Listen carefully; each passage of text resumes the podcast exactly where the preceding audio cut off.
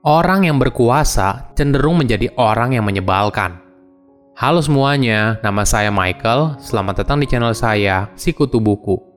Kali ini saya akan bahas buku The No Asshole Rule karya Robert I. Sutton. Sebelum kita mulai, buat kalian yang mau support channel ini agar terus berkarya, caranya gampang banget.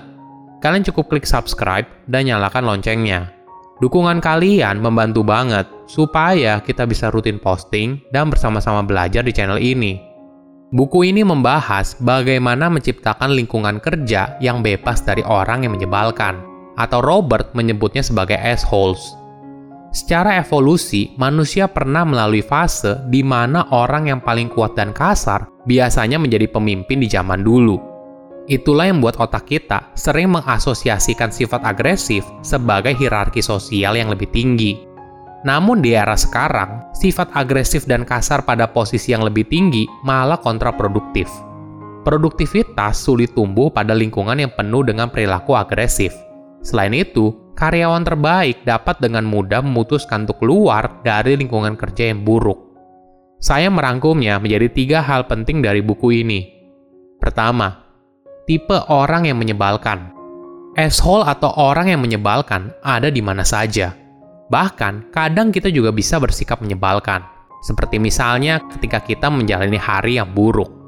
Robert mendefinisikan asshole sebagai orang yang suka menghina pribadi, mengintimidasi verbal atau nonverbal, lelucon sarkastik, mempermalukan orang lain di depan umum, memotong pembicaraan orang lain, bermuka dua, dan memperlakukan orang lain seolah orang tersebut tidak ada.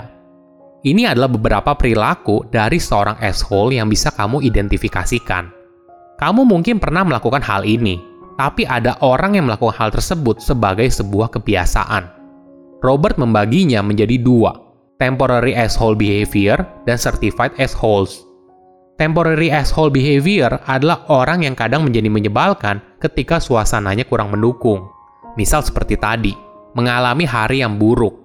Sedangkan certified assholes adalah orang yang menyebalkan karena dia terbiasa melakukan hal tersebut.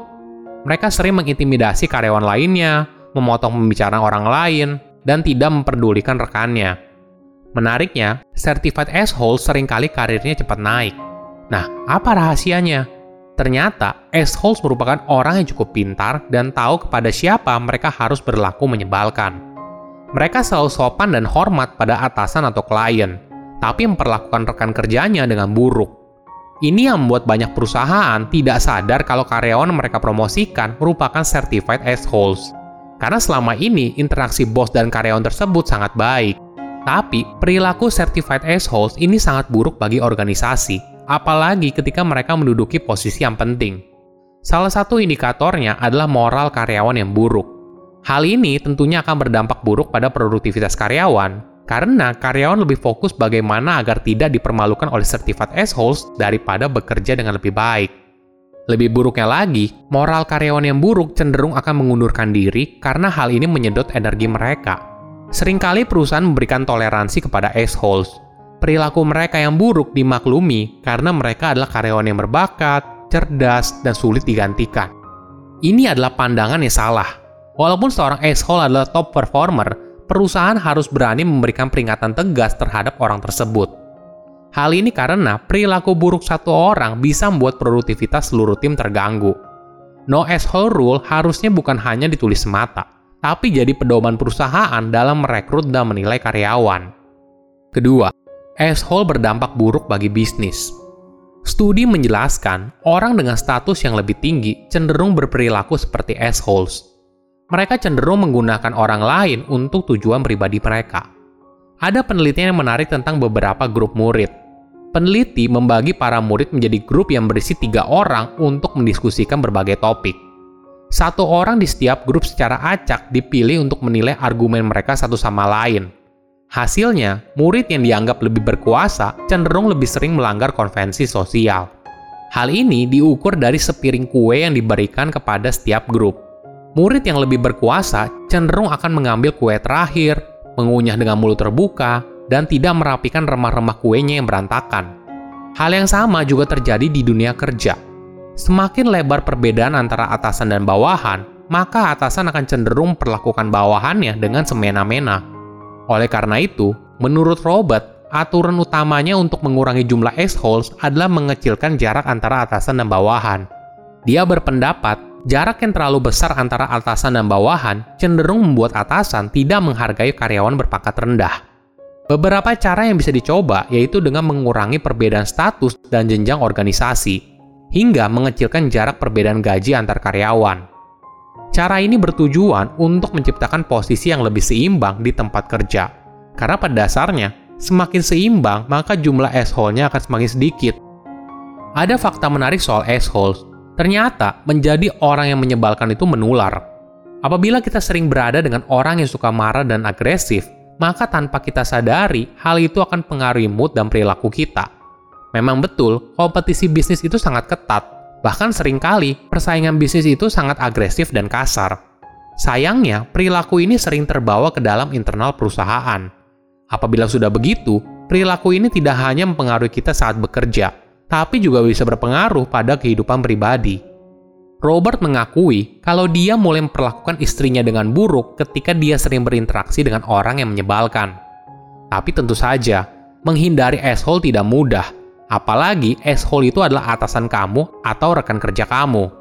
Namun, kamu bisa mengurangi interaksi kamu dengan mereka seminim mungkin. Sebisa mungkin hindari asshole, atau kamu malah bisa jadi salah satunya. Ketiga, menciptakan lingkungan kerja yang kondusif. Secara alamiah, persaingan yang sehat antar karyawan bisa berdampak positif bagi perusahaan. Ambisi adalah hal yang baik untuk memotivasi karyawan dalam mencapai hal yang lebih besar, mengambil resiko, dan menciptakan inovasi terbaru. Ini juga akan mempermudah atasan untuk mengetahui karyawan mana yang potensial. Namun sayangnya, persaingan antar karyawan bisa kontraproduktif. Persaingan ini malah meningkatkan gesekan antar karyawan. Itulah sebabnya perusahaan yang sukses mengambil jalan lain. Mereka mempromosikan budaya perusahaan kolaboratif Sederhananya, dengan mengganti kata saya menjadi kami. Ini adalah contoh untuk mengaruhi alam bawah sadar karyawan. Kalau mereka berada di satu tim yang sama, sehingga mendorong mereka untuk berkolaborasi daripada berusaha untuk menjatuhkan karyawan yang lain. Nah, ini adalah lingkungan kerja yang beradab. Pada akhirnya, semua akan berakhir di kamu. Pertanyaannya seperti ini, bagaimana bila kita tidak bisa menghindari interaksi dengan seorang asshole? Yang paling penting, kita tidak boleh membiarkan asshole mempengaruhi kita. Ini memang tidak mudah, tapi kita harus tetap tenang dan jangan membalas sifat agresif mereka dengan sifat agresif juga. Robot menyarankan kita untuk mencoba menjalani interaksi kita dengan asshole dengan pikiran positif. Kita harus menyadari, ketika seseorang adalah asshole, itu masalah mereka, bukan masalah kamu. Semua ini adalah sementara. Jangan biarkan asshole mempengaruhi kamu. Perilaku orang yang menyebalkan tidak boleh ditolerir atau dimaklumi. Walaupun mereka adalah karyawan terbaik, perusahaan harus berani bertindak tegas pada perilaku yang buruk. Silahkan komen di kolom komentar pelajaran apa yang kalian dapat ketika baca buku ini. Selain itu, komen juga mau buku apa lagi yang saya review di video berikutnya. Saya undur diri, jangan lupa subscribe channel YouTube Sikutu Buku. Bye bye.